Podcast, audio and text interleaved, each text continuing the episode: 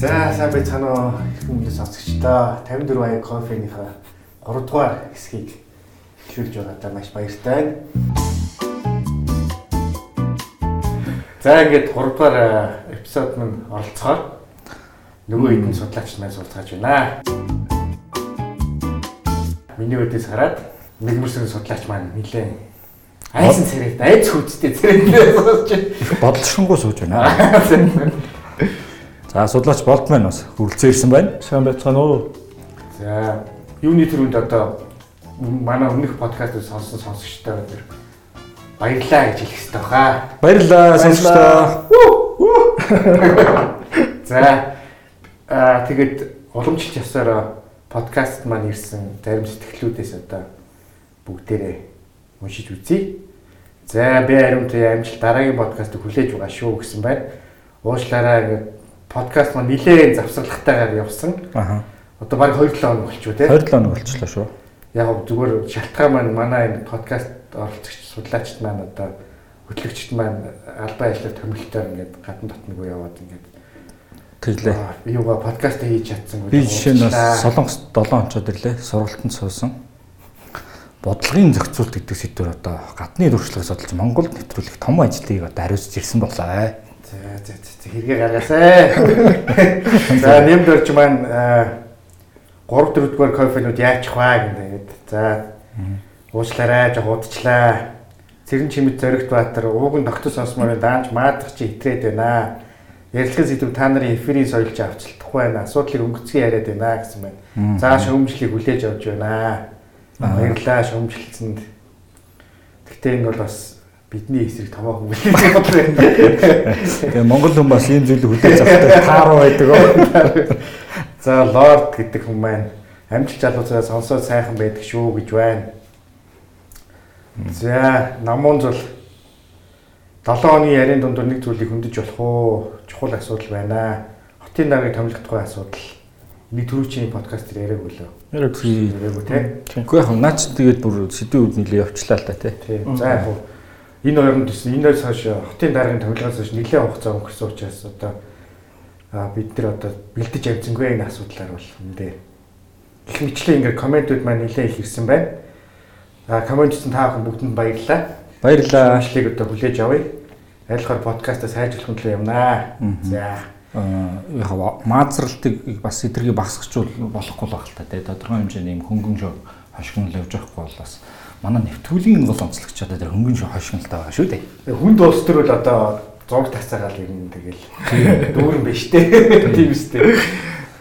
Тэгээ ерөнхийдөө яг зөвхөн хүмүүс ингээд хөнгөн ингээд бид гур хөнгөн хоорондоо ярилцаж нөхцөлд бол илүү нөгөө асуудалтай тий.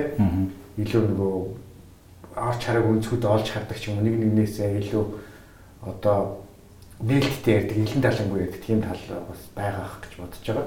Давуу тал юм ба та тий. Ер нь тийм Гэж ярих юм тийм үстэй. Тий. Тэгэж өөртөө бас ингэж өмөрч ёо. За. За ингээд энэ одоо 3 дугаар подкастынхаа сэдвүүрг орё. За онцлог сэдвүүд юу вэ? За, 2-7 хоногийн хугацаанд бол бас нэлийн үйл явдлууд өрнөц- өрнөчлөө шүү дээ тий.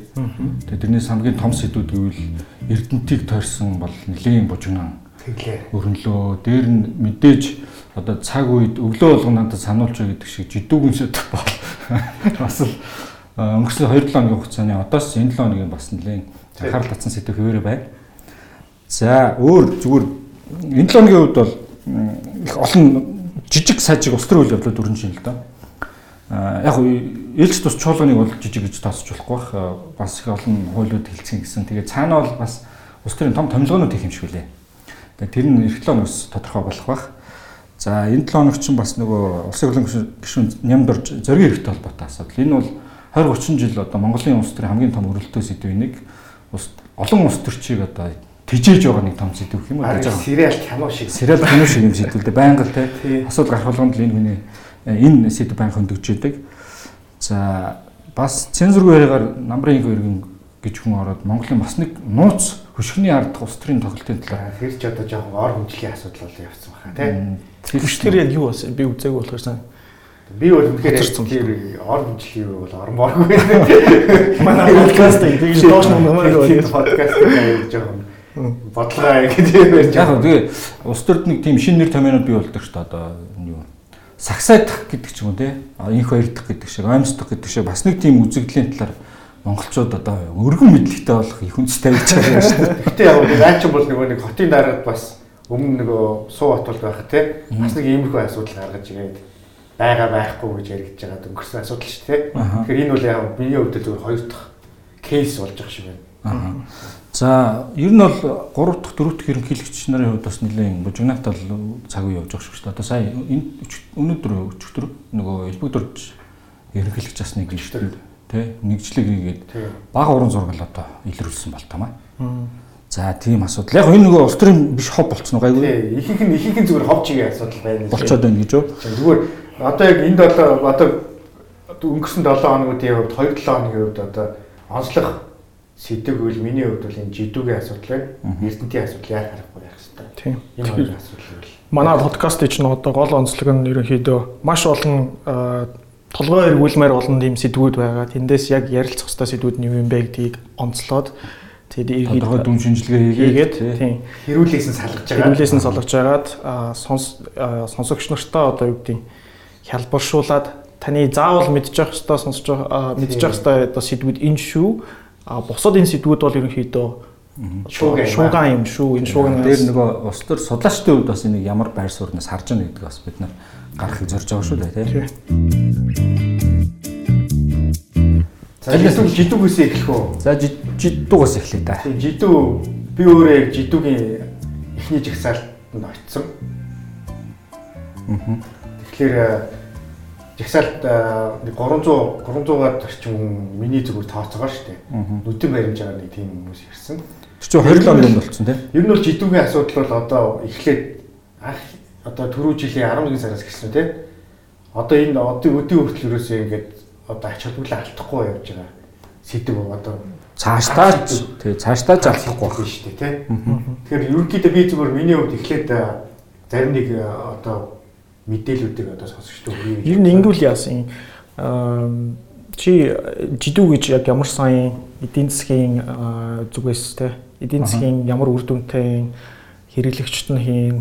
За үнэхээр энэ жидүүгээс одоо эрх мэдэлтэй хүмүүс эрх мэдлээ ашиглаад зээл авчихсан юм бол цаана хохирогч нар нь хэн байсан? Тийм үү?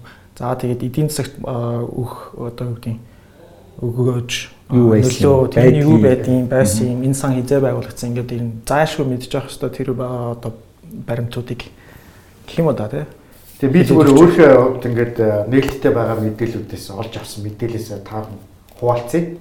Тэ. Ер нь а, жидүү жидэг дунд үйлдвэрлэлийн сан гэдэг сан бол байгуулагдаад нэлээд олон жил болж байгаа юм байна.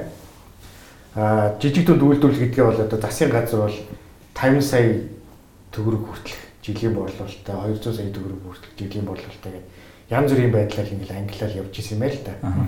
Гэхдээ ерөнхийдөө бол а, одоо 50 сая хүртэлх жилийн борлуулалттай аж ахуй нэгжүүдийг юм жижиг дунд үйлдвэрлэл гэж нэрлээд тэрэн зориулсан юм зээлийн сан гаргасан юм байна. Тийм тэгээд а, ерөнхийдөө бол яг яг энэ а, өмнө зүгээр нөгөө банкуудаар дамжиж олгодог байсан юм байна. Тэгээд яг 2017 оноос эхлээд сайд үйлдвэр худалдааны тий хөнгөн үйлдвэр худалдааны сайд. Сайдын мэдлэлт. Хөнгө хөдөө аж ахуй хөнгөн үйлдвэр худалдааны сайд. Сайдын мэдлэлт энэ а, сан маань очсон байт юм байна. Тэгээ энэ одоо шинэ 15 15 2015 онд 12 тэрбум төгрөгийн одоо энэ сан байсан бол 16 онд 16 тэрбум болоод 17 онд ингээд нөгөө сайдын багсд очсон гутлаа огцом нэмэгдээд 75 тэрбум болоод 18 онд тэр нь дахиад нэмэгдээд 90 тэрбум төгрөг боллоо гэсэн.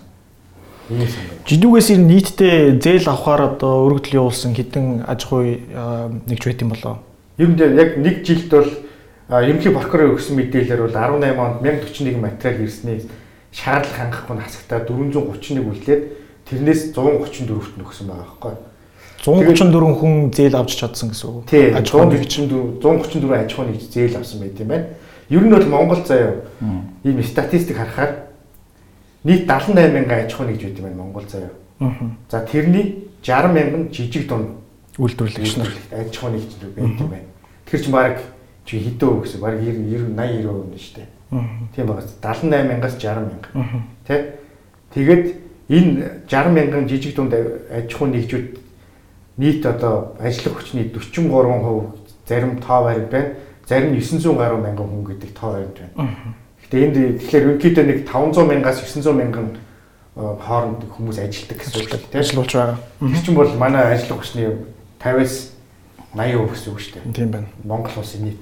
Тэгэхээр энэ жижиг дунд үйлдвэрлэлийн одоо энэ сектор маань амар том сектор байна. Тэ? Тэгэхээр энэ энэ санг энэ сангаас одоо а энэ үйл ажиллагааг дэмжих нь бол зүйтэй.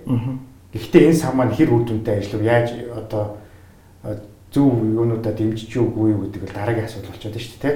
Тэр ерөнхийдөө бол яг эхлэл нь бол ийм юм байна маа л да.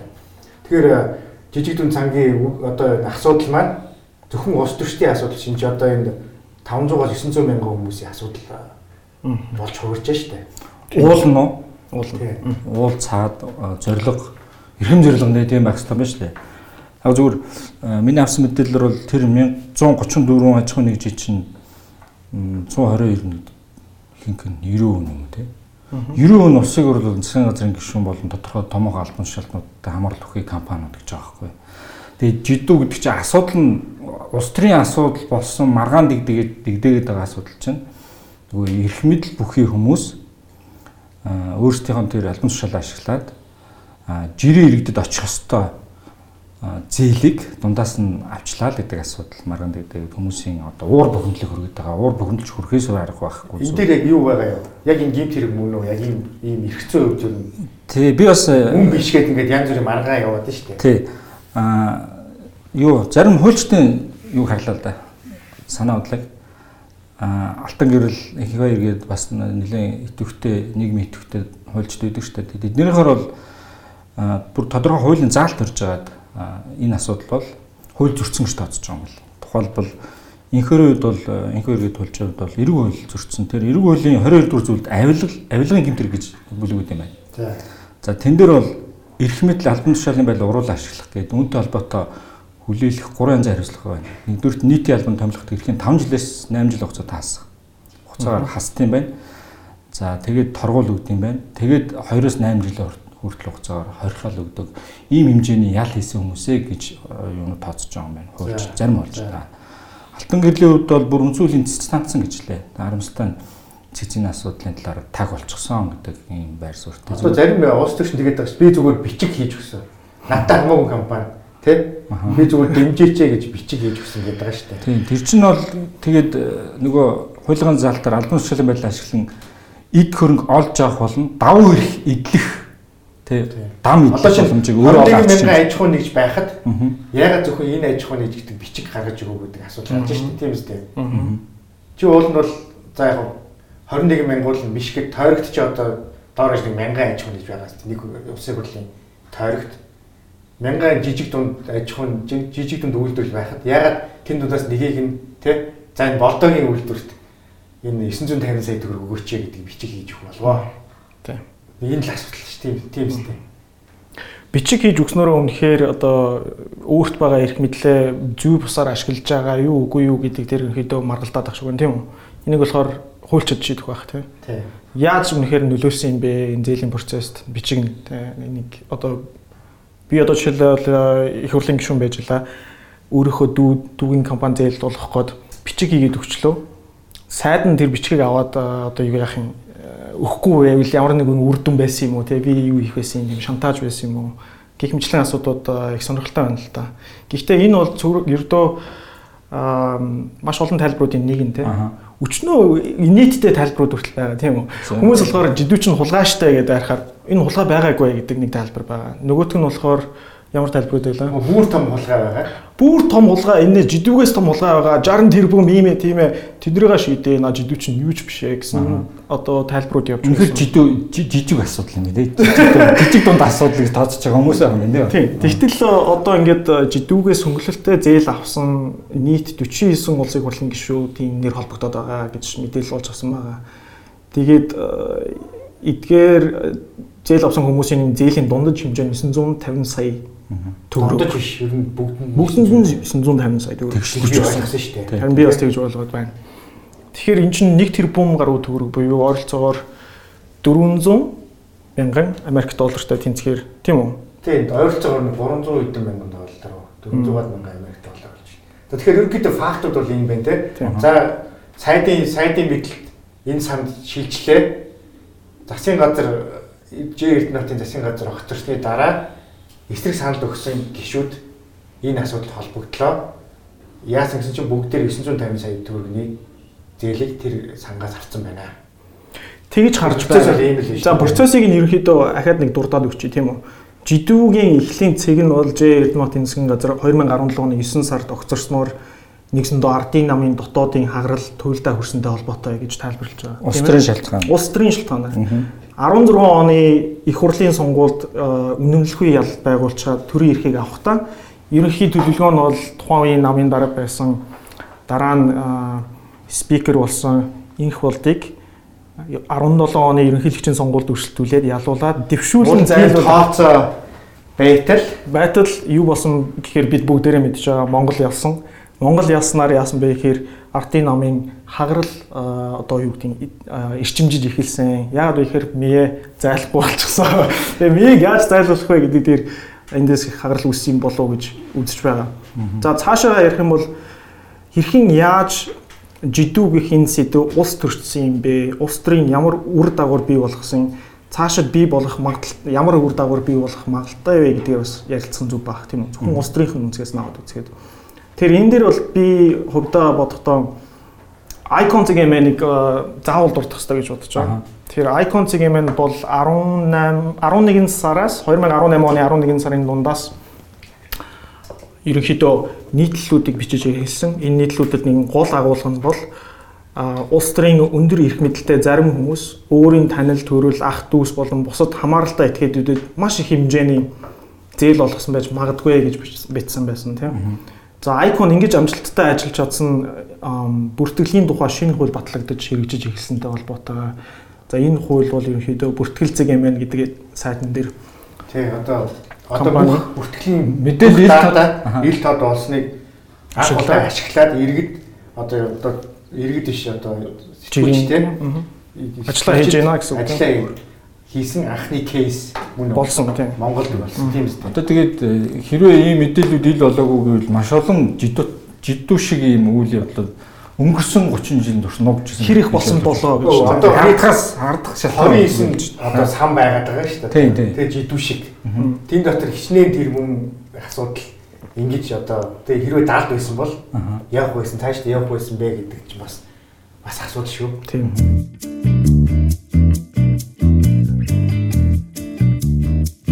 А зүгээр одоо тэгвэл бүгдээр ёс зүйн талаас нь. За хууль зүйн иймэрхүү үр дагавар байж болох юм байна те.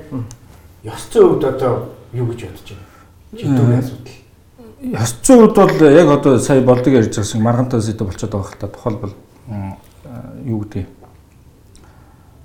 одоо улсын хурлын гишүүд хийгээд төрийн жинхэнэ албан тушаалтнуудыг тангар өргөдөг шүү дээ. Тий. Би энэ тангарыг бүр зориуд бичээд аваад ирсэн юм.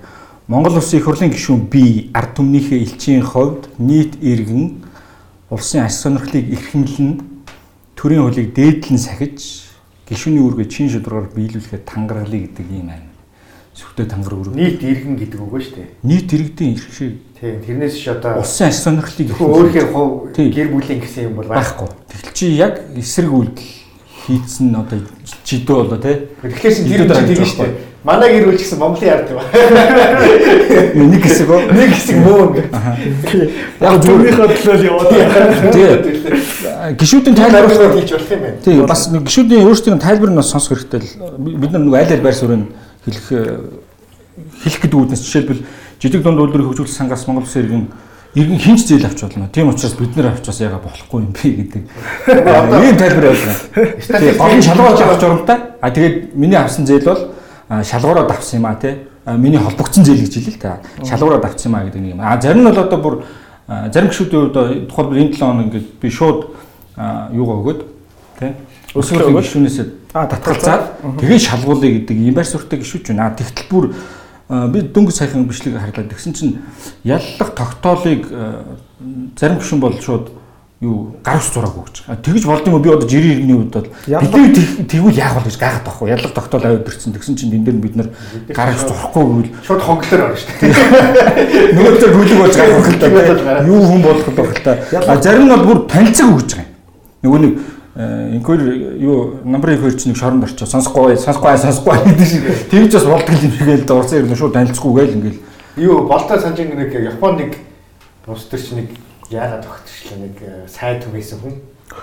Аль нь юм болоо? Зөндөөл байдлаас болж огцордсон шүү дээ. Одоо миний санджаагаар бол сүүлд нэг сайд эмэгтэй юу сурвалжлагчтай ярилцлага өгж явахдаа эмэгтэй нөгөө сурвалжлагч нь айгүй мундаг чухал сэдв хөндөд асуулт асуухаар өө Японд тулгарч байгаа нийгмийн том том асуудлуудыг ингээд ярилцах гад асуухаар өөдөөс нь чи надаа цамцныгаа товчиж байгаа тайлбар.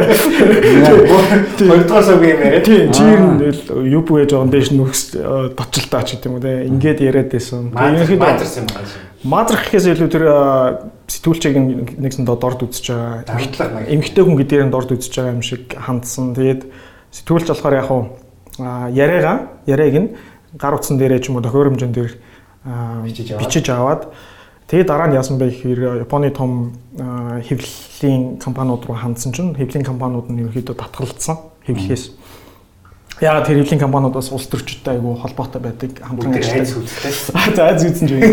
Тэгсэн учраас юу болсон бэ гэхээр тэр сэтгүүлч яванда зүгээр таблоид таблоид буюу шарсан дээр очиод өгчихсөн. Тэр нь тэгэл авцар шалтгаан. Тийм дэрэн тэгээд энэ асууд нөгөө тейпийг нь гаргаж ирээд нийтлээл ерөнхийдөө шууд огцорч байгаа. Гэтэ болдоо бас нөгөө олон жил гадаад байсан судлаач учраас мэддэг байна. Монгол улсын улсын хурлын гишүүн биш үү? Улсын хурлын гишүүн бол хэлээс хэлсэн үгнийхээ төлөө хариуцлага хүлээхгүйгээр бүр өмцөөлөн залттай шүү дээ. Тийм учраас тэр юу ч хэлжсэн ямар хариуцлага хүлээхгүй. Тэр бид нар нөгөө Монгол улсын хурлын гишүүн байна да тий. Энэ дэр би бас зөвөр бодож байгаа зүйл маань юу гэхээр ёс зүй ярьж байгаа шүү дээ тий. Ёс зүй гэдэг бол яг хуу хуулиар бас шийдэгдэж явдаг тийм. Хуулиар хороотой зүйлсийг хүн хийхгүй байх ёстой. Тийм хууль зөрчиж болохгүй. Энэ бол ёс зүйн асуудал. А дээрээс нь бас бичиг асуудал. За эрх зүйн асуудал. Гэтэ ёс зүй гэдэг бол бичигдээгүй хуулиуд байдаг гэдэг тийм. Улс төрч байна, нийгмийн харилцаанд гардаг, бидний хоорондын харилцаанд гардаг ёс зүйч байна. Бичигдээгүй маш олон хуулиуд байдаг. Тэрийг бид нэр дагаж мөрдөж явдаг. Тэгжээш нийгэм маань хоорондоо одоо гэдэг нийгэм амьдардаг. Хамтарч амьдардаг. Илүү их зүйлийг бүтээнэ гэсэн үг. Тэгэхээр улс төрийн Улс төрд маань ёс зүй бол хөгжөөгүй байна. Улс төрийн ёс зүй бол миний бодлоор л одоо нөгөө 21-р зуун гараад нөгөө интернет яваад мэдээл маш их мэдээл ил тод болсноор интернетийн ачаар нийгэм өөрс бид нар өөрсдөө ингэж 21-р зуунд очсон. Ёс зүй өвдөө ёс зүй бүх иргэдэн. А иргэдэн улс төрд нь болохоор 20-р зуундаа ингэж гаццсан. Үлдсэн. Тэгээ энэ хоёрын хооронд юм том ялгаа тий гарцсан болооч би ойлгоод байгаа. Тэгээ хүмүүс бухимдаа бид ингээ бухимдаа хараа те ингэж болохгүй тэгээд нөгөө гэтэл нөгөө улс төштэй байхаар юу ч болоогүй юм шиг байж идэг. Яа гайхаад идэг өөдөөс. Юм зүгээр манлайч гэдэг ойлголт чи ёс зүйн хөвж те эрдэм мэдлэг туршлагын хөвж дээр урд байх хэрэгтэй хүмүүс та манлайч толгойлж явах хэрэгтэй. Тэгэхэл чи нөгөө ард сүүл болоо хоцорсон байна гэдэг чинь. Тэгээ иргэдээсээ ёс зүйн хөвд одоо ард болцсон байгаа. Хоцорсон. Гэтэ манай улс төрчид нэг зүйлээр дандаа тэргүүлж явдаг. Тэр нь эд баялаг, хормлуулсан хөрөнгөөрөө их тэргүүлж явдаг тийм марж чадах юм. Тэгэхээр Монголын улс төрд мөнгөтэй хүн л ордог болчихсон. Төрөүний дээр ёс зүй гэдэг дээр иргэд үнэхээр иргэдийн ёс зүйн одоо юу гэдэг төвшин дээшээ төрүүлж яваад тэгээд ингээд жидүү жидүүгийн тухай энэ асуудлаар их бухимдалтай байгаа гэж чи хэлж байна. Тэрнээ би их гайхаад байгаа байхгүй юу? Жишээлбэл Инхтер жишээлбэл сая жидүүгийн анхны жагсаал дээр очиод оролцоод ирсэн тийм 300 гаруй хүмүүс оролцсон гэж ярьж ирсэн. Гэтэл нэг сар 12 сарын сүүлээр нэг сар 2 сарын ихээр тийм ид хүүтэнд жидүүгийн эсрэг биш шаал ондоо тийм бүр хүнийг төөрүүлж хаяхаар сэдвийн тухай манан гэдэг нэг зүйлсийн эсрэг тэмцээд байгаа агуу их орончод байгаа шүү дээ. Тэрэн дээр одоо өөрсдийнх нь жагсаалыг зохион байгуулсан хүмүүсийн хэлж байгаагаар бол 30 мянган хүн ирсэн гэх юм. Тэр чинь баг 1 сая хүртэл бол нэмэгдсэн баха. Тэгэхээр миний асуулт юу вэ гэхээр ихтрөө үнэхээр э, жирийн иргэд яг нөгөө сонгуульд саналаа өгдөг энгийн ард иргэд энэ жидүү гэдэг асуудлаар ямар байр суурьтай вэ? Энэ дэр ямар нэгэн судалгаа байгаа юу? Энэ дэр бол судалгаа авахгүй. Ягаад гэвэл жидүү гарч ирснээс хойш хийсэн одоо яг томоохон социологийн судалгаа бол би бол олж хаалсангүй. Тэ сонгогч жидүүгийн асуудал яаж нөлөөлөө сонгогчдын нэг одоо ач холбогдол өгч ийн үү гэдгийг мэдэхгүй. Гэхдээ зүгээр би статистикаар харахад 60 мянган одоо аж ахуй нэгж байна. Тэнд ажилладаг 500 900 мянган нэгж байна. 21 60 мянгаас 21 мянган жижиг дунд үйлдвэрлэлийн санд өргөдөл өгөөд авч чаддаг гэж байгаа байхгүй зээл авч чаддаг. Гэвч чинь 3 аж ахуй нэгж тутмын нэг нь жидүүд одоо санд зээлийн өсөлт явуулаад авч чадаагүй гэсэн үг шүү дээ. Тэгэхээр их бүрэлдэхтэй байгаа гэж. Тэгэхээр тэр хүмүүс тэрний ард байгаа ажилтнаа ажилласаас бүгдэнд нь энэ асуудал бол угаасаа нөлөөлсөн байгаа шүү. Үгүй ер нь бол жидүү бол бүгрийн талбайтай. Одоо шинэ жидүүгийн зээлийн нөхцөлний 30 саяас 2 тэрбум төгрөг хүртэлх төгрөгийг 5 хүртэлх жилийн хугацаатай жилийн 3% хүүтэй эхний 2 жилд нь үндсэн зээлээс чөлөөлөх маш хөнгөлөлт. Тэгээ бодгоор чи энийг зүгээр баг тийм юу ч хийдгүй хүн авчаад Банк хадгалуулчих мөнгөтэй болчиход байгаа. Монголын нөхцөлд бол үнэгүй мөнгө авч байгаа. Америкт ч ийм зээл ховор шүү. Үгүй Америк гэж ер нь дэлхий дээр ийм зээл байхгүй шүү дээ. Манайх бас энэ тэр дэлхий индексээр нэгд орж байгаа хаа жидүүгийн зээлийн нөхцлөөр. За тэгэхээр одоо яг жидүүгийн асуудал цаашд яаж үргэлжлэх гэж таавах харж байна. За би энэ дээр яг бодож байна. Өнгөрсөн жидүү анх бий болоод 11 сараас хойш шуугаан дэгдээснээс хойш маш олон За миний одоо зүйрлж хэлэх юм бол улс төрийн найруулсан жүжиг мэт за бараг л халтар царайтаас дутхааргүй сонирхолтой ийм савнгийн дөөрүүд болж өнгөрлөө шүү дээ. За үүний жишээ ярил үүний жишээ ярил дүн би дөнгө сая дурдаад өнгөрсөн манан гих тодтголтой ийм мангас мэд бүлэглэлтэд тэмцдэг улс орноо авардаг авгаа их мундаг их орончдын жагсаал цуглаан тий а энэ хөдөлгөөний одоо одоо гол зорилго нь юм уу да миний харж байгаагаар бол ерөнхийдөө жидүүгийн жидүү муугаар бодох юм бол одоо хөхүүлэн тэмцсэн. Бүр зохион байгуулсан. За сайнаар бодох юм бол зогсоож чадаагүйгийн төлөө хариуцлага хүлээх ёстой байсан засгийн газрыг хамгаалж үлтгэл энэ гол зорилго нь байсан манангийн манантай тэмцэж байгаа бол хэлээ. Манан гэдэгтэй юу? Манан гэдэгтэй тэмцэж байгаа нэртэйгэр. За ингээд цаашаа юу болсныг бүгдээрээ мэдж байгаа. Би энэ бүгдийг яагаад ярьж байгаа гэхээр одоо болж байгаа ирээдүйд болох улс төрийн энэ үргэлжилсэн жүжгүүдийг ойлгоё гэвэл бид нар жидүүг мартаж болохгүй. Энэ болж байгаа бүх үйл явдлууд жидүүг ард холбоотой гэж үзэж холбоотойгоор барах уу буюу сонгуульд өчгсөн байгаа учраас жидүүтэй холбоотой холбогдсон нэр холбогдсон энэ улс төрчид эрх мэдэлтэй байгаа хүмүүс маш байгаа гэж би бодож байгаа. Яагаад вэ гэхээр дараагийн сонгуулиар хэрвээ эдгээр ялч чадахгүй бол нөгөө нэг прокурорын үеэс үзүүлээд байдаг маа гэд үзүүлдэг дунд хуруунд байхгүй болчихноо. Нэгсэндээ а улсын хурлын гишүүний бүрэн халдшгүй бүрэн эрх нь байхгүй болчихно. Ингээд та нар буцаад хууль хяналтын байгууллага дээр очиод хариуцлага хүлээх нэг юм хонглын чиний бодлоор л жидүүг ажиллаад сонгуулийн дараа ч гэсэн жидүүгийн асуудал бол тий улс төрч гарна гэж бодож байна. Үгүй би юу гэж байгаа гэхээр сонгуул болтол жидүүг мартуулахын тулд маш их жүжиглэл явна улс төрийн жүжиглэл. За өмнөн дээр мантай тэмцэн эрдэнтийг төрийн эрх мэдэл давах гих мэтлэн тэгээ зургийн хэрэг байт юм уу ийм олон одоо жүжигчлэл явнаа. Тэгэхээр би сонсогчтой юу гэж уриалах вэ гэхээр алиг нь альвэ гэж одоо бити жидүүгээ мартаарай. Бити жидүүгээ мартаарай. Энд тийм уриалга уриалга хийж юм. Бис уриалга хэлмээр шүү дээ. За таны уриалга юу вэ? Гэхдээ яг ер нь бол Зарим хүмүүс бол хэлж илээ жидүүд харилцаг тооцно гэдэг бол салхины өдөөс шүү саяхтай адилхан гэдэг. Зарим талаараа тийм болчихлоо шүү дээ. Одоо улсын хурлын тэр ёсцон дэд хороо хилцгээд яалаа. Улсын хурлын чуулган дээр бүхэл бүхлээр нь хэрхэн авч үлдлээ. Тэгэхээр энэ улсын өөртөө өөртөө харилцаг тооцоосоо нэгэнт өнгөрсөн. Одоо тэгэхээр зүгээр иргэдийн үдийн үйлчлэн өгөхөр 2020 онд жидүүд холбогдсон бол ерөөсөө энэ асуудалд ороо холбогдсон хүмүүс иргэд санал хэл гэдэг л хэлбэр бол. Тийм л хариуцлагын тогтолцоо үлдчихэж байгаа. Сонгогчд чи өөрөө бол сонгогчд сонгогчд сонгуул бол бити мартаарай. Гэхдээ би тийг сануулаагүй зүгээр л ийм л нөхцөл ингэ хөндлөнгийн тэгэхгүй заавал нэг юм өрөөлөх хийх албатай нүсэл за бити мартаарай хэлээ тэгвэл. За нэг хоёрд нь бол яг нэг одоо энэ чинь давуу тал гэж харах цаашаа чинь бас ичгэвтер юм да. Ядаж сан гэдгийн ард те энэ эрх баригчид яаж мөнгө төгрөгийг идэж уудаг те зохицуулдаг гэдг нь хөш хөшгөний ард байсан. Тэр муухай үзэгдэл ил болсон яамаад одоо энэс хойш бол ядаж сангууд те бас ингэдэм байх тэгдэм байх гэж иргэд анхаарал хандуулдаг. Тийм нэг шинэ үе шат ирж байгаа л байх тань өөр юм алгадаа зүгээр энэ энэ зүгээр өөр нэг тийм итгэл найдвар одоо энэ асуудал дундаас олж харж байгаа ганц ялаах юм бол энэ дататай дата ил баснаас холбоотойгоор тийм бид нар бүгдээрээ интернетээр улс төрчдийн заваа имийг илрүүлэх боломжтой болгоо. Боломжтой болгоо мэдэж авлаа. Тэ? Энэ бол амар том ололт шүү. Тийм үстэй. Тэгэхээр түрүүн би дуртад өнгөрсөн айконых нь баярлаа гэж хэлье. Одоо юу гэдэг сэтгүүл зөвхөн дөрөв гэж. Айконик сая 3 удаа болсон шүү. Би сая. Би айконик сайн танихгүй л дээ зөв. Гэтэ тэд нар чинь ажиллаа зөв хийж чадж байгаа. Айгуу мундаг байгаа. Тэгээ нөгөө дөрөв дэх засаглалынхаа дөрөв дэх засаглалынхаа үндсэн үүргийг биелүүлж чадчихжээ. Тэгэхэд нь одоо тэр үүргээ биелүүлэхэд боломж нь би би болцсон байна гэдгийг л та хэлээд байна шүү дээ.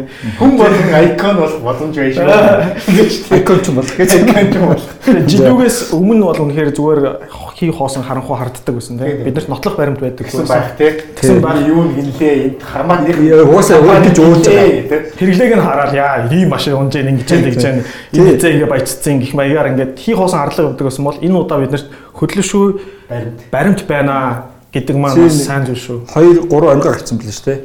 Усын хурлын гишүүд бид нарт 3хан сан үлдээлээ энэ тэрээд. Яа тийм. Номын сан, хэмрийн сан, эмийн сан гурван үлдээлээ. Тэгээ бас нэг онгоо байлаа. Тэр бас яг энэ жидүүтэй холбоотой, ерөөс ус ус төрчтэй холбоотой. Жишээ нь нөгөө ийм та Мерседес бензийг хэр хугацаанд авч чадах вэ гэдэг гайлынхнаас асуусан чинь яг энд ярьч л та сонсоогүй юм. Тэгээ гайлынхнаас асуусан чинь за ямарс нэг 2 3 хоноо гэж байгаа. Тэгсэн чинь татварынхнаас асуусан чинь за ямарс 2 3 сар болно гэж байгаа. Босны дараа би мэрэгчдээс энэ авч чадна гэдэг. Тэгсэн чинь улсын хурлын гишүүдээс асуусан чинь 3 4 жил болоо шүү гэдгсэн чинь хөөх яагаад та тэгж бодож байгаа гэсэн чинь Эртээс үн чинь том компани үстэй гэдэг нэг сонсдог байна. Компаниар нь бодож авах хэмжээний өрнөдний бий болооч болж ш та улсын хурлын гишүүн болол те. Тий. За дараагийн асуудал руу оръё. Эрдэнтийн асуудал. За эрдэнтийн одоо нийгэмчилсэн асуудал тий. Нийгэмчлэхгүй нийгэмчлэхгүй юу гэдэг асуудал. Одоо энэ гадаад гадаад байсан хувь ийшээ одоо Монголд орж ирнэ гэдэг чинь бол ховчлол ховчлол мөн үү нийгэмшил үү? Энэ их сонио эхлээд ингэмэр юм шиг байна тийм. Эхлээд монголчлсан асуудал үүссэн юм шиг байна тийм. Өөрөө чи хэлж байгаа Монголын компани болгосон асуудал үүссэн чинь дараа нь нийгэмчлэгтэй холбоотой асуудал үүссэн. Ингээд бага нэг дэмжлэхүүд л үйл явдлууд өрнөд ах шүү дээ. За би бол би бол зүгээр миний ойлгосноор тийм. За 49 51 гэдэг хоёр хувьтай хоёр засгийн газар хоёулаа хувааж эзэмшдэг. Оросын засгийн газар, Монголын засгийн газар. За гэтэл 49% эзэмшдэг байгаа засгийн газар маань нэг юу бичиг ирүүлсэн юм байна Монголын засгийн газарт. Зөвхөн Монголын энэ компанид бид нар 49% зарнаа. Үгүй бол хизээж хүнд зарахгүй гэдэг тийм бичиг ирсэн байна. Компани үлээ Ростек. Тэр Ростек. Ростек компани.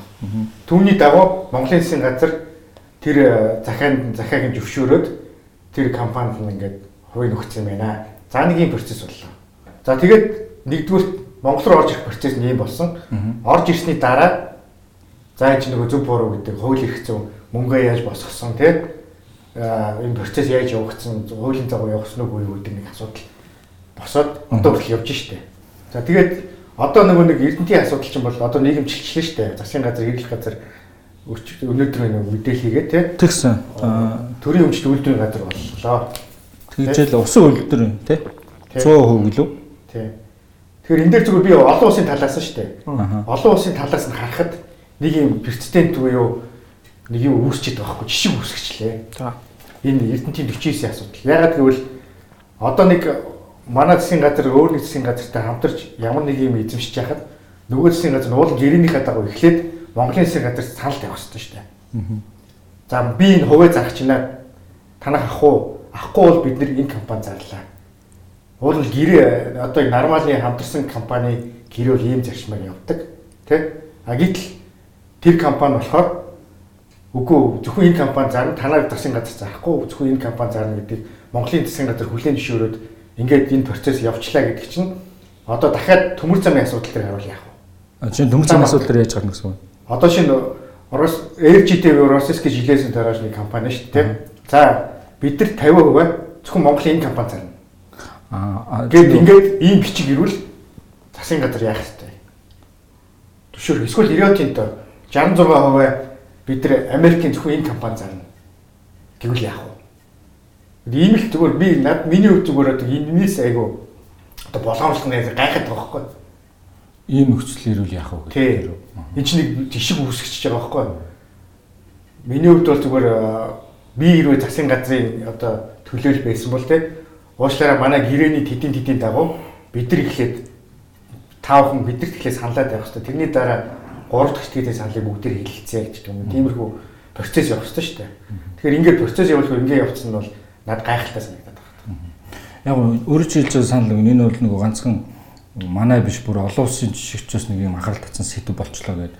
Яг зөв бид нар энийгээр бүр дахиад тусдаа нэлээд сайн дүн шинжилгээ материал бэлтжиж тусад нэвтрүүлэг хийлээсэй гэдэг санал байна. Нэг хоёрд нь болохоор ер нь одоо энэ маргаан цаашдаа яах юм гэдэг асуудал. Бол судлаачид ямар Энэ нь бол ойлгомжтой шүү дээ.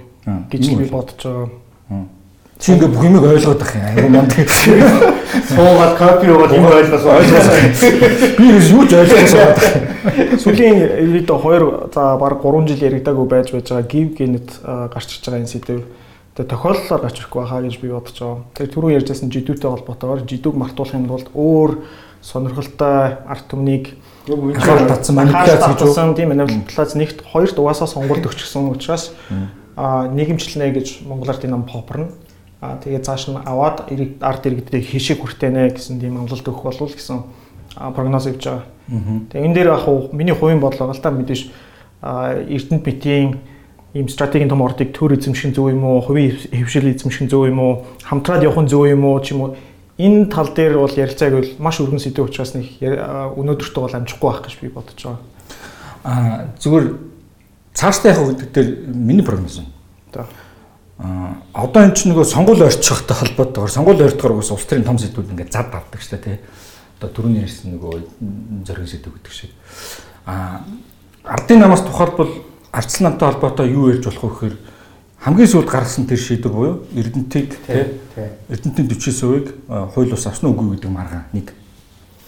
Энийгээр одоо ерөөсөө үлцэн хугацаанд тоглолт юм. Арслан өөр зодох сэдвэг болчихгүй юу? А нөгөө талаас авсан гэж. Тий. А нөгөө талаас болохоор ардын намаас биш ардсан намаас ямар сэдв байгалаа бидний яг өмнө жидүү шүү дээ. Жидүү тий. Жидүү 60 тэрбум тэр чигээрээ зайлагдсан сэдв байна шүү дээ. Тий.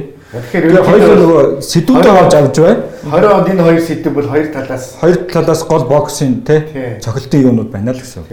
Тийм баг. Тэгнь. Тэр бол урт хугацааны сэдв байна. Өглөө болгон хоёр нам бол нэг нь жидүүг зэрэг нөгөөх нь бол эрдэнэт 49 гэсэрнэ. Тэр ч юм шүү. Энд дээр бас би нэг надад аягүй сонирхолтой санагдсан юм юу гэхээр жидүүтэй холбоотой асуудлаар их хурлын дарга X их хурлын даргаыг огцруулнаа гэд их хурл дээр хилцэж байхад манай арчлан намын дарга маань нилээ. Одоо аа нөгөө та нар бүгд бүлдэгдүүл бүлдэгдүүлнэ штэ бүлдэгдүүлнэ ингээд тэгээд наадах чи ингээд нэг юм шуумаар ингээд африктэй биш наа чи ямар муухай. Даргын даргын өгчтэй наа чи. Тийм үү аа зөө зөө. Даргын хэлж байгаа гол санаа нь юу вэ гэхээр та нар ингэснээрээ их хурлын даргаыг ингээд шинэ хууль баталж үндсэн хуульдаа заагаад өгчихсэн зүйл заалтаа өөрчлөн байж авч хайснараа парламентын засаглалын чанарыг нь дархлааг нь бууруулъя шүү гэсэн санаа юм байна. Гэхдээ жирийн иргэнд миний бодлоор энэ мессеж нь юу гэж очиж байгаа вэ гэхээр арчилсан ном мийг өмөрд юм байна Мие гинэ. Sorry. Аа инх болтыг өмөрдөг юм байна. Инх болтын талд орчихсон юм байна гэсэн тийм мессежийг өгöd байгаа байхгүй. А гэтэл нөгөө ийм зүйл ярьсных нь маргааш нь гарч ирэнгуутлаа мантай тэмцдэг хүмүүс маань арчилсан ном бол манан бүлэглэлийн хөл гарн болчихсон ийм ном энийг шинчлэн бид гэд яриад явчихж байгаа. Инхээр арчилсан ном яаж байгаа гэхээр маш том улс төрийн рейтингээ өсгөх боломжийг алдчихж байгаа байхгүй. Нэгсэндээ миний би хэрэг арчлан донд ажиллаж байсан байна. Миний зөвлөгөө юу байсан бэ гэхээр мээгэж зайлвал нэг болтойгооч зайлвал жидүүгэж зайлвал гэж явах хэрэгтэй. Тэр ч хүн үлдэхгүй болчиход байна. Чи сая эрдэнтийг ярьжсэн биз дээ. Яагаад евро орчих вэ? Э, жидүр орчих. За яг юу болох вэ? Сонсч. Ирээдүйд юу болох вэ гэдэг прогнозон дээр ярьсан шүү дээ. Тэгэхээр миний хэлж байгаа юу зөвлөгөө гэхээр хэрвээ арчилсан намынхан аа ер нь сонгуульд амжилттай оролцъё гэх юм бол аль альнийг нь одоо юу гэдэг жигээд явах хэрэгтэй гэж хэлээд байгаа. Эрдэнэ тэр тийг яах вэ? Яарчсан байх нь болно. Эрдэнэт дээр аюу асуудалтай. Яг тэгэхээр арчлан намын засгийн газар сайхан дэлхийн засгийн газар Эрдэнтийг одоо монголчилсан гэж яриад байгаа шүү дээ. Тэгэхээр одоо цаашаа яах ёстой юм? Миний хувьд бол арчлан нам, миний зүгээр арчлан нам за энийг төрөөж бойл туршууд нээлттэй компани болгоод хувьцаа болгоод тараа. Одоо яг үндэсний аж ахуй нэгжүүдтэй ингээд нээлттэйгээр өгөөд ингээд 100% тараа. 100% тараа гэдэг санаачлал гаргаж явбал илүү эрүүл харагдах. Тэгэхгүй бол дахиад энэ 100% үлдээд ингээд эрдэнэт 100% төрийг болчих юм бол нөгөө шахаа бахаж ингээд үргэлжлээл ингээд цаашдаа явна гэсэн үг шүү дээ. Хэрвээ арчлан намд гэх юм бол би хэрвээ Монгол Ардын намд ажиллаж исэн бол миний миний одоо чимээс ажилтдаг шүү. бүх намнаа хариу барих одоо мессеж нь юу вэ гэхээр 100% хувьчлах юм бол энэ дээр жинхэнэ лоер явагддаг. Мөнгөтэй хэдэн цөөхөн хүмүүс одоо эрдэнтийг хувьчилж байгаа. цааш нь хятадд зарнаа ч юм уу. Ингээл явхад жирийн иргэн сонсолоо нэрээ тэгэндээ 90-ад оны хувьчлалууд юу боллоо одоо тий хитгэн хүмүүс төрийн бүх объектуудыг авцсан гэдэг ч юм уу. Ингээд явчих учраас. Улс төрийн хувьд бүэлшгүй зүйлтэй 100% хувьчлаа гэсэн мессеж бол. Тэрийг одоо бүгдээ 20 онд сайн харах баха. Юу болох нь гэж байна. Одоогийн ийм сонссон юм уу? Сонсоогүй юм уу? Сонссон юм уу? Аваагүй юм? Тэрийг бол бүгдээ 20 онд харах бах. За дараачийн булан руу гарыг одоо онцлох дүр энэ өнгөрч байгаа өнгөрч байгаа 7 оны онцлох дүр. Онцлох дүрээр зүгээр миний хувьд бол Улсын хурлын гишүүн Ж их байлыг тодруулмаар байна. За яагаад? Яагаад тэгэхээр читэр урд читэр гэлөө читэр гэлөө бас том жидүүгийн талаар бас мэдээлэл хийсэн. Гэтэ зүгээр мэдээллийн хувьд л надад бол маш их тийм сайн ерөөсөй ойлгомж үлдээдэг. Тэрийг л хүмүүс ойлгоогүй учраас маш сошиалэр шеэр хийгээд ингээд явж чи тээ. Миний амьдрал ерөөсөй зээлийн түүх юм байлээ. Залуусаа зээлээс бүүвэ гэж уриалсан тээ. Тэгээ би залуу хүнийхээ хувьд хэлэхэд би нэг зээлээс айсан юм байхгүй. Гэтэ яг банкнаа надаас аваар айгаад зээлэхгүй. Эсэргээрээ.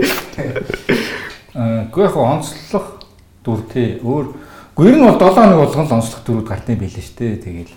Нэг хувьд чиний хувьд хэм байв? Гэхдээ одоо энэ номерын хэр гэдэг чинь бас дүр болчлаа шүү дээ. Байхгүй явж хөдөө орон нутгаар баг үнцүүл хэлцүүл гэж гин чин зург яриагаар орж ирэл саг сайдах гэдэг сексайдах гэдэг үгтэй. Сексайдах аа сексайдах. За. Тэгээд тэгсэн дээр миний үг шүү нэг.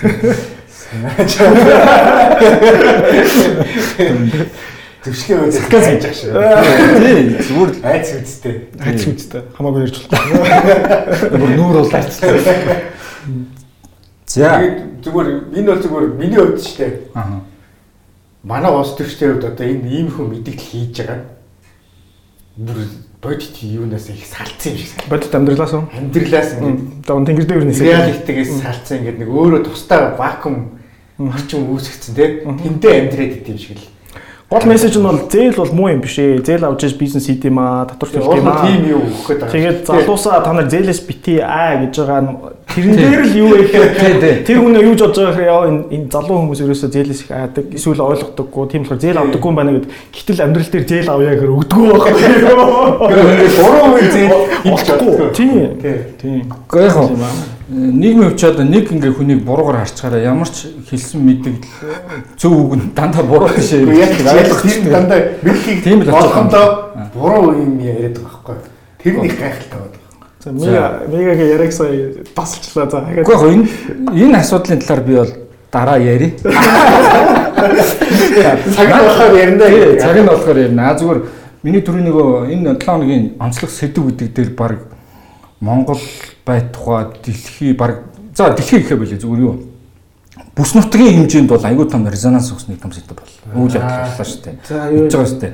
А баруун манай баруун хөрш маань зүг хөршиж гэсэн бас том үйл явдал болсон анзаарах бахт хоёр. А нэг нь анзаарах баха. Нэг нь болохоор мэдээж нөгөө 30 жил ерөөс энэ бүс нутагт ганцаараа их мэдл барьсан Назарбаев гэдэг хүн сайн судлаа тавьж өглөө те. Энэ бол нөгөө улс төр судлаачдын хувьд бас нэлээд анхаарал татсан олон улсын ажиллагчдын хувьд бол анхаарал татсан сэдв байх. Байх энэ талаар тэгээд болд бол цаашдаа их гүнзгий ажиглаж шинжлэх том сэдвтэй боллоо. Назар хичээд бай англи нэг goodbye гэдэг юм бай. Назар бай гэж бай гэдэг шиг болсон шүү дээ. Тийм билээ. Тэгээ бас тэр чинь нийслэлээ нурсалтаа болгож байгаа юм байна. 78 настай байна. 80 үрж байгаа юм 80 настай гэж байна. 78 настай байгаа. бичсэн билээ. Тэгээд одоогийн авж байгаа Токио гэдэг нь болохоор 65 настай байна. Манад болохоор ч одоо тэгээд 65 хүрсэн үнийг бол төвтөрд гаргацдаг шүү дээ. Тэгэхээр эднэрийн хувьд бол бас арай өөр болдог шүү. А зүүн хөршид маань бас том үлийн бодлоосон. Тойр анзаарсан уу? Аа 50 зочид дуудалд камер байрлуулад Оо, нууцаар бичлэг хийсэн гэсэн. нууцаар бичлэг хийгээд тэгээд 1600 хүн хэрэгт холбогдоод тэднээс мөнгө авдаг гэсэн. Аа, солонгосод. Яг энийг яг ус төрийн хэрэг гэж тооцоод байгаа юм гэхээр үйл явдлын то- тодорхой үйл явдлын талаар олон нийт мэдээд эсрүүцэл илэрхийлж тодорхой суулж жагсаал хийж байгаа бол санал бодлоо илэрхийлж байгаа энийг төрийн үйл явдал гэж тооцож байгаа л да. Тэгээд жагс жагсцуулаа эхэлсэн бэл. Ягаар ингэж хөв хүмүүсийн нууц таалдтیں۔ Тэ. Жижиг чи айгүй жижигхэн юм юунд байрлуулсан. Розетканд байрлуулсан юм л шүү дээ. Камер Жижигхэн камернууд, нууц камернууд. Тэгээ энэ бол одоо их ноцтой үйл явдал. Тэгээд энийг бас хоёр судлаачтай цаашдаа бас анхаараарай гэж Цааш та боол орохтаа яагаад анхаарал өгдөгнээс тий. Хийж байгаа шүү. Би чи боол бодлоо явдгүй шүү. Яг явдаг юм шиг. Дүүл үлдсэн ганц үг хэлээ. За өнөөдрийн подкаст яг бол балай балай сэдвэрээ оршлох гэдэг. А яг нөгөө 7 хоногт болох сэдвүүд энэ төр гэдэг талаар. Тэг яг эх 7 хоногт бол энэ сэдвүүд маань миний хувьд шүү дээ. Эрдэнтийн асуудал, жидүүгийн асуудал маань явсан байна баг. Үргэлжлэх бах тий. А юу одоо шинэ хотын шинэ мөр томилогдсонтой холбоотой хоёр орлогчтой болж байгаа юм байна. Дөрв байсныг. За. За бүтцээ батлаа 129 ажилтнтай болж байгаа. Тэгэхээр тэр шинэ орлогчнууд томилогдох юм байна. А энэ эс бус чуулган чинь гол нөгөө нөгөө өмнө амжуулаагүй бахан хоригдлогдсон хуулиасаа гадна АТГ-ийн даргуулан бос зарим хүмүүсийг солих гэдэг юм шүү Тэр дээ. асуудлыг хэлдэг. Тий, тэр асуудлыг хилцэх эх 7 хоног магадгүй хилцэх магадлалтай л гэж би тааж. Юу болохыг нь ажиглаж байгаад э, хэдүүлээ ярилцаж болох юм тийм ээ. Дараагийн 7 хоногт. За тэгээд э, сонсогчтой хэлэхэд одоо бид нэр ингэж дахиж удаан хугацаагаар пауз авахгүй. Одоо бол байнгын ингэж 54 аяг кофегаа Чи амлаж гин үү? Би одоо пионер хувьд хамуулж байна. Монгол үний үед амлаж байсан. Монгол хүн ихлээр бодлоо очт юм аа. Тийм. А юу болдмын одоо бас эх 7 хоног бас гадагшаа урт хугацаагаар Аа, явж тийм шүү дээ. Тийм. Тэрийг бас онлайнаар офлайнаар яаж зохицуулах вэ гэдэг бид нар бас шийдээд. Уул нь их мундаг судлаач юм байсан. Ирээдүйдээ тэгээд яг хаа Түүний гинээр дүр. онлайнаар харна гэдэгтээ итгэлтэй байна. Авахгүй гоо Биднийг төвчин сонссон. Сонсогчтой бид баярлалаа. Дараагийн лавд уулзцгаая. Баяр таа. таа.